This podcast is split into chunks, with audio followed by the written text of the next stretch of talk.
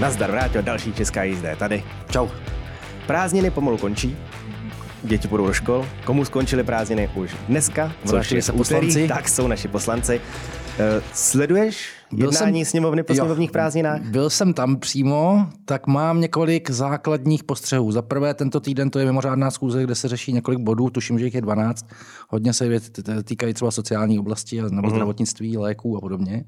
Takže celku důležitý a prakticko důležitý věci. To za prvý. Za druhý, to hlavní ale začne příští týden, protože bude řádná schůze od úterý a bude konsolidační balíček, takže to všichni už tam říkali, že už, už jsou připraveni. Že jsou připraveni a že to bude velká bitva, že budou tam nocovat a podobně.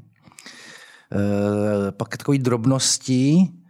E, zdálo se mi, nebo myslím si, že to je skoro jistý, že novinářům eh, tam ubylo několik stolů, jako kdyby už se s nimi nepočítá. Se s nimi nepočítalo, nebo se, se počítá s tím, že jich tam bude čím dál míň což je takový dlouhodobý trend. Tam, tam kde je novinářský atrium, tak byly dva bufety. To je to vedle teď, toho s tím lovem. No, no, no, teď tam není ani jeden.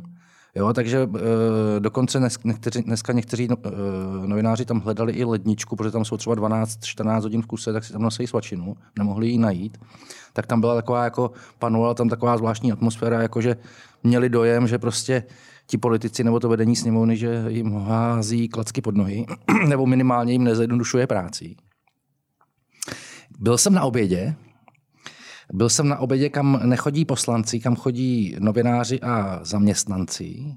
A zaplatil jsem za oběd v celku standardní cenu, takže pokud Andrej Babiš někdy na jaře uh, tam mával cenama a říkal, že polívka stojí 12 korun, tak, tak minimálně pro novináře a pro zaměstnance to neplatí. Politici chodí teda jinam tak by mě zajímalo, jestli... Na druhou stranu, já jsem vždycky teda, jako, když se o tomhle tom bavilo, tak jsem slyšel ten argument, že je to tak levný právě kvůli těm zaměstnancům, jako, že na nich to taky docela stojí a padá a zároveň a že... na rozdíl od těch poslanců neberou úplně tolik, tak to je aspoň jako jeden ten benefit, aby tam někdo no. chodil, tak pokud byl v té zaměstnanecký, tak... Ale platil jsem 172 korun, uh, bramborová polévka a vepřová líčka s bramborovou To mi přijde jako naprosto standardní no. cena, že když jdeme tady před natáčením do restaurace, Takže to nebylo jako, plus minus to samý. Nebylo to 12 korun polívka, 32 korun uh, hlavní chod.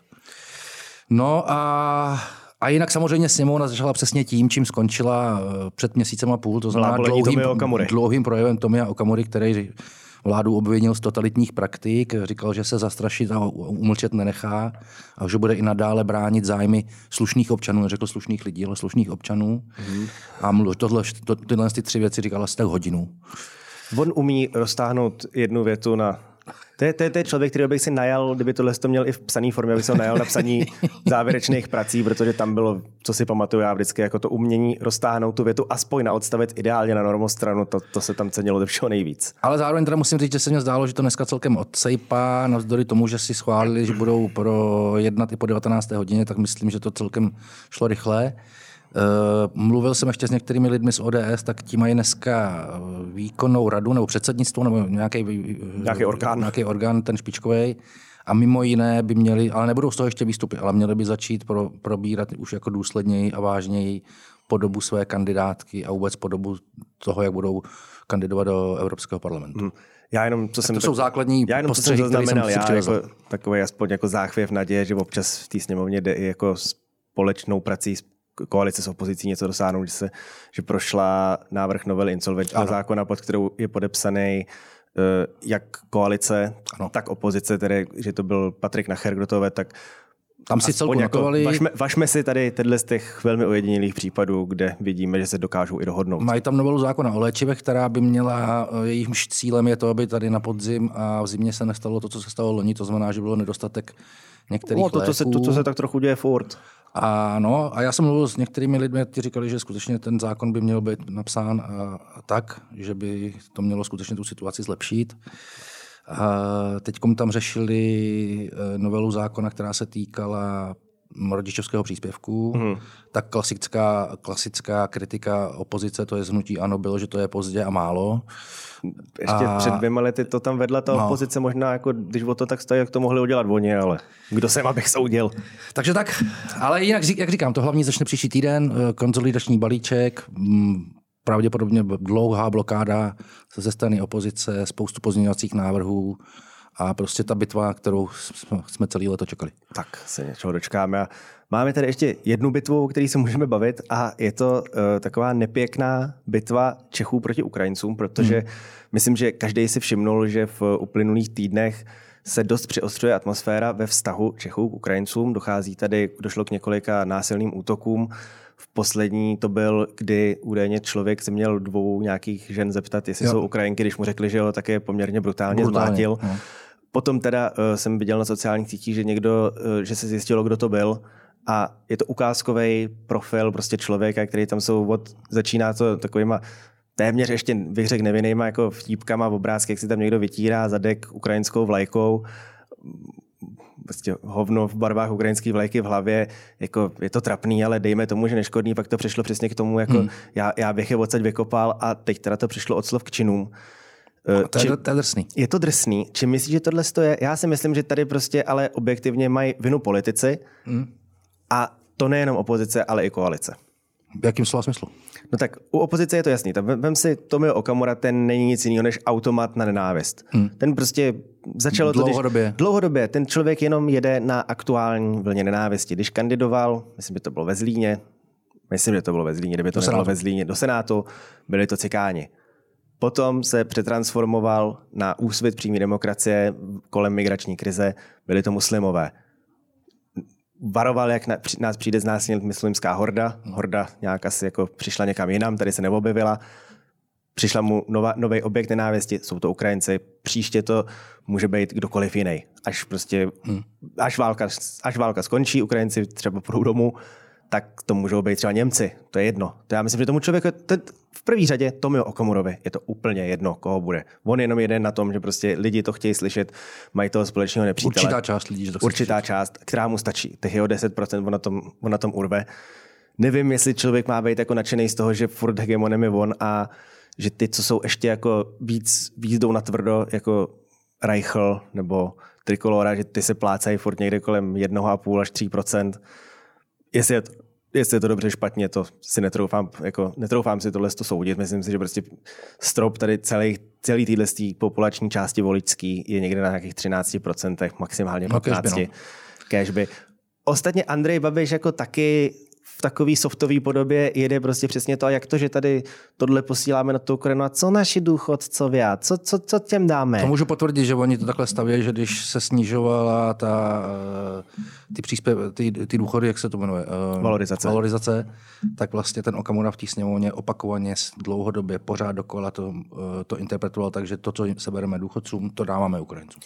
Což, ale řekněme si na rovinu, že tohle je jako a na, na případě toho trotla, co zmlátil ty dvě ukrajinské paní, je vidět, že ono tady od těch slov k těm činům je tenká hranice, kterou ty lidi prostě, pokud tohle to cílíš na lidi, kteří jako upřímně nepatří mezi nějakou intelektuální elitu tady tohohle z toho národa, a už jsou v takové té životní situaci, že si řeknu, hele, já nemám co ztratit. Frustra, tak ono to je, nej, nejdřív to začne přesně. Začne to, místo, aby jsme dávali našim, dáváme Ukrajincům.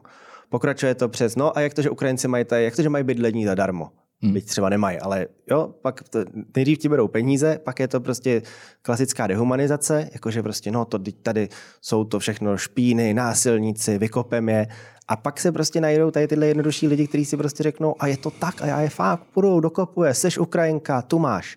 No a teď je otázka, co s tím ten stát, protože mu koalice, vláda no, koalice, může abych, abych dělat, se, abych jak se dostal, může čelit. Abych se dostal k tomu, jako vlastně, jak se mě ptal, jako proč říkám, že to může i koalice, protože podle mě a tohle je evergreen, který podle mě tahle věta tady může jako zaznít asi v každé naší epizodě, že vládní koalice prostě stojí, respektive spíš padá na svoji komunikaci. Jasně. Tady není pozitivní komunikační linka. Tady by mělo doopravdy, by ten Fiala měl říkat, byli jste někdy, byli jste někdy v nemocnici, byli jste někdy prostě někde, kde se uklízí, Teď to tady jako na těch Ukrajincích celý stojí. Vy to dělat nechcete, protože za to pro vás málo peněz, to špinavá práce, dělají to Ukrajinci taxikáři, Ukrajinci. A prostě říkat, furt říkat to, že ty, lidi doma mají válku a prostě třeba žijou někde, kde jako už vlastně nemají kde žít, protože jim tam prostě spadla bomba na barák, nemají. Teď tady byl prázdninový Evergreen a my jim platíme dovolenou na Ukrajině. Za prvý, nikdo jim to neplatí. Dostávají tady a většina z nich ještě jako o ten nárok na to přišla. Přesně Dostávají tady pět tisíc korun, za což ani na tu Ukrajinu pomalu nedojedeš. Hmm. A musí tady z toho oni vyžít. Hmm. A to, že, jako, to, že zrovna to jde, že se můžou podívat za svojí rodinou někam, jako, kde zuří válka, to není žádná dovolená. Jasně.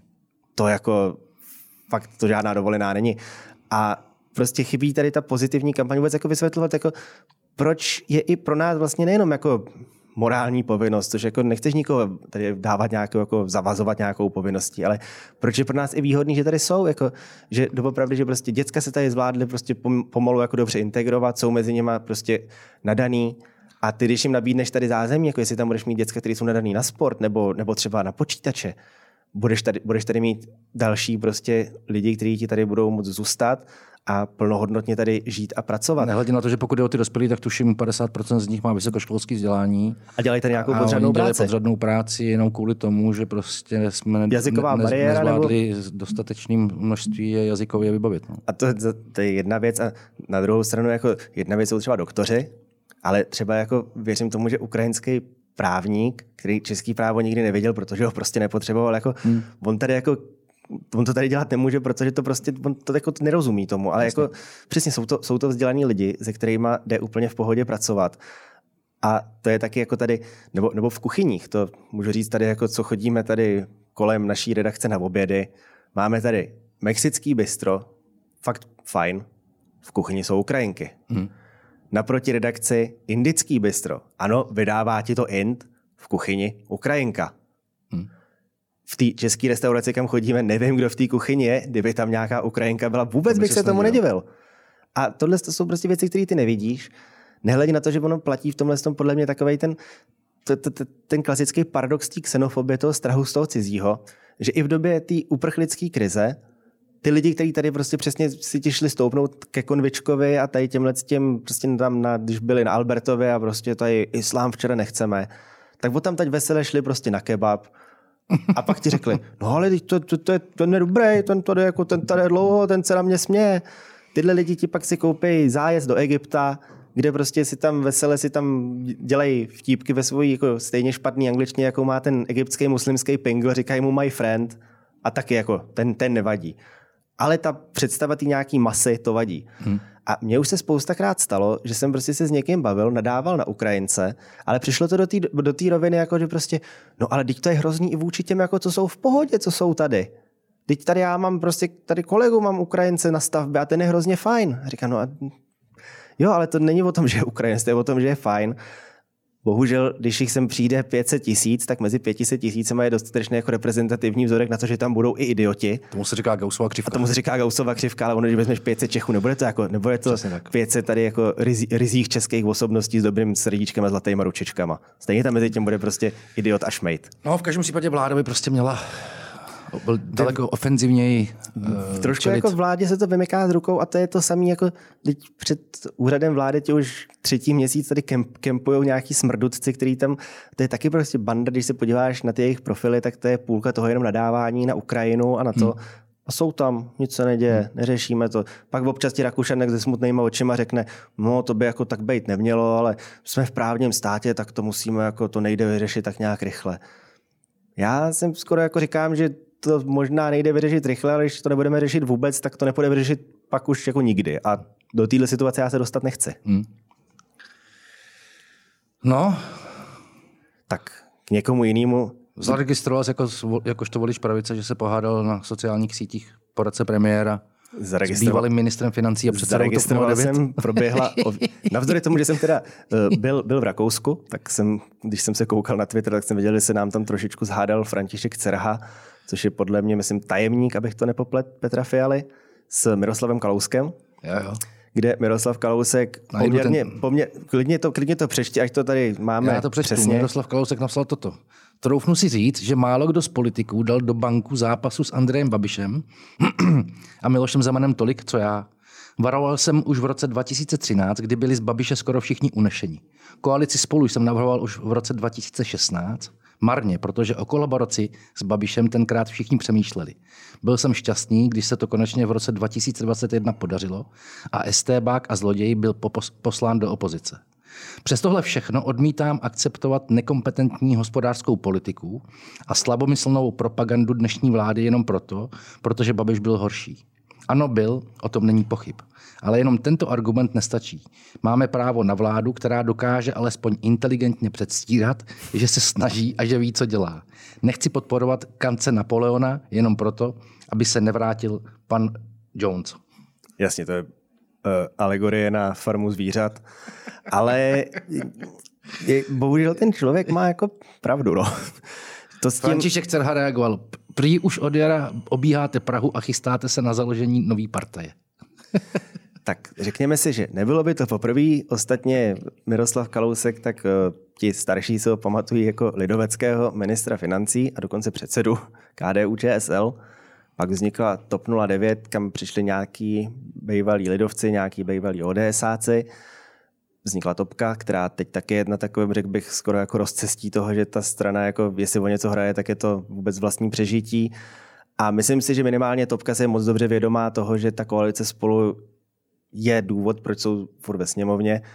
A je to pro ně to, že jediný takhle se tam dostanou, jestli to tak vnímají i lidovci, tak s událostmi posledních dní, kdy si ku příkladu kvůli koaličnímu závazku na liberalizaci a modernější přístup k marihuaně lidovci dělají osobní kampaně na tom, jak rozhodně nic takového nedovolí a svolávají si do sněmovny kulatý stoly za účasti policie, kde tam prostě to odmyslím si lidovce.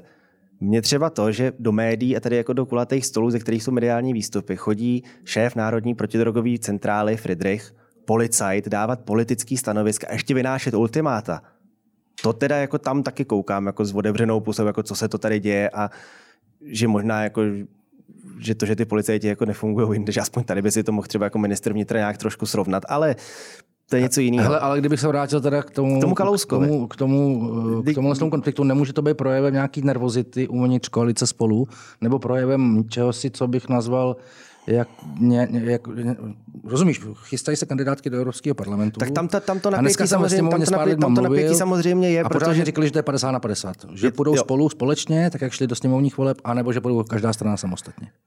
Ono, je to já bych skoro řekl, že volby do Evropského parlamentu a volby do Českého parlamentu není ani jiná liga, ale úplně jiný sport. Jasně, jiná disciplína.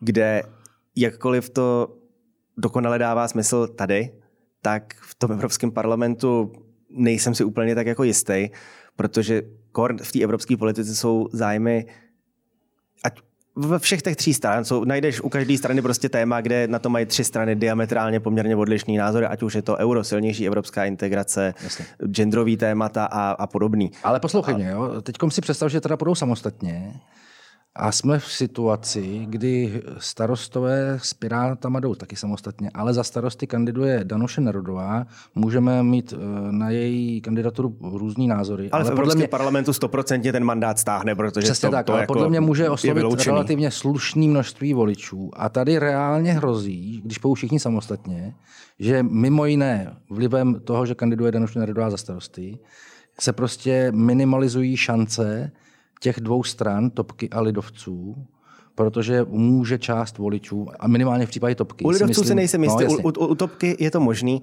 A... To znamená, že tam nedostanou. A jako eh, teďkom, to, že se tam nedostanou, ani... si nemyslím. Myslím si ale, jako, že jediný co, takže se to požere a že prostě si tam tady rozhádaná parta pěti si rozdělí šest mandátů a no, to, je, to je no. vlastně celý. Zároveň, jak tady uh, František Cerha naznačoval spekulace o tom, že by Miroslav Kalousek měl tedy jako obcházet Prahu a zakládat novou partii, tak jako ke mně se dostala spekulace, že se baví o tom, že by mohl kandidovat právě do Evropského parlamentu. To jsem slyšel. Asi se nabízí teda TOP 09. Ano. Což si myslím, že by mohl být obzvlášť pro voliče TOP 09, ale tam bych skoro řekl, že i pro část voličů ODSky, že by tohle mohl být taky trošku jako tahák na to, jak aspoň teda jako tam prostě tenhle ten mandát jako pro něj urvat. Jestli Miroslav Kalousek je úplně politik do Evropského parlamentu, nevím. Upřímně, mě by vůbec nevadilo, kdyby se do české politiky vrátil, protože tam trošku chybí. A on, on byl dobrý v tom, že teď to dělá teda, protože vlastně má nulovou odpovědnost, tak si může pouštět hubu na špacír. On to dělal předtím taky. On byl zrovna ten, který tohle to nikdy moc neřešil.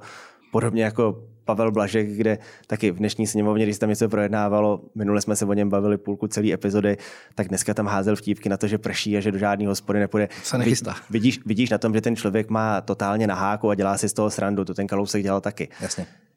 Za mě třeba, kdyby Mirek Kalousek kandidoval někde do Senátu, mohl by tam odvíst spousta dobrý práce a byl by tam vidět. I kdyby prostě se v rámci příštích voleb nějak znova jako pustil jako volební lídr na nějaký kandidáce za topku, tak mi to dávalo smysl, protože podle mě jako ten člověk a jeho zkušenosti, byť opět se dostáváme k tomu, že tady zase recyklujeme někoho, kdo v té politice je 30 let, tak jako takovýhle lidi ta pravice, ať už si pod tím představíme cokoliv, prostě potřebujeme a nemáme. A nemáme, nemáme moc na výběr. Jo? To, jako hledat, hledat nový tváře, nových tváří je v té sněmovně jako víc než dost.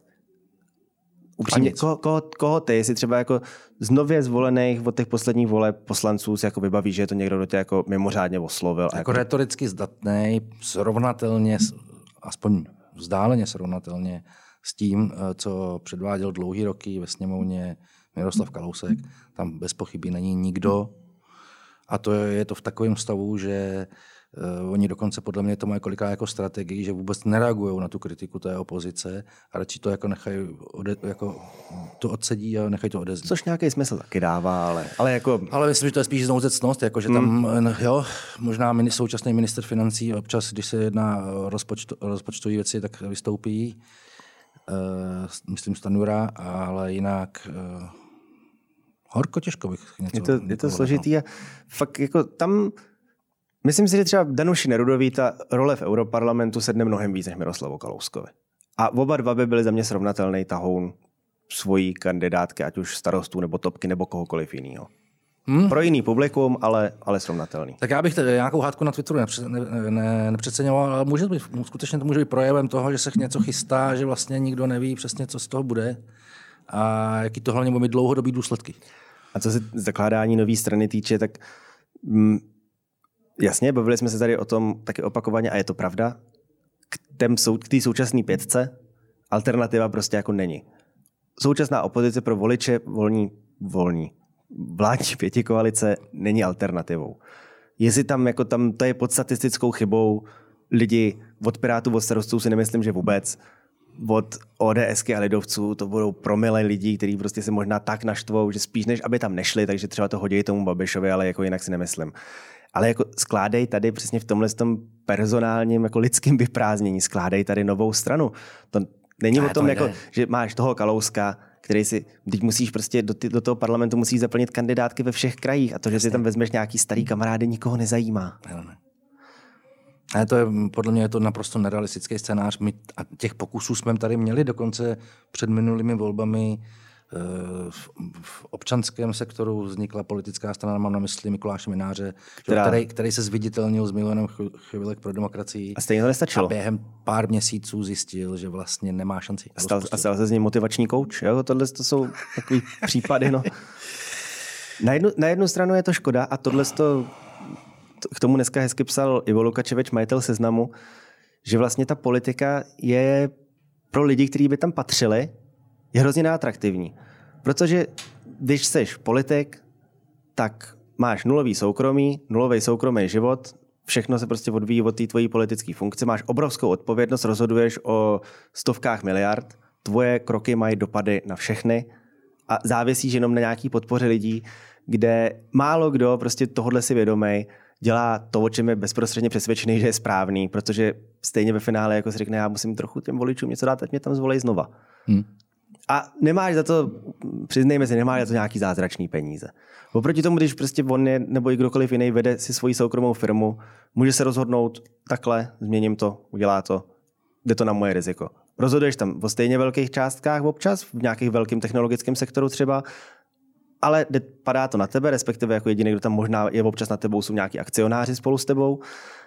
Peníze jsou nesrovnatelně vyšší. Všichni úspěšní podnikatelé nebo lidi prostě z soukromé sféry si pohoršej, když jdou do politiky. Teď Ivan Bartoš v roce 2017, než se tam Piráti poprvé dostali, Ivan Bartoš otevřeně přiznával, že bude mít třeba poloviční platbu proti tomu, co měl jako softwarový vývojář.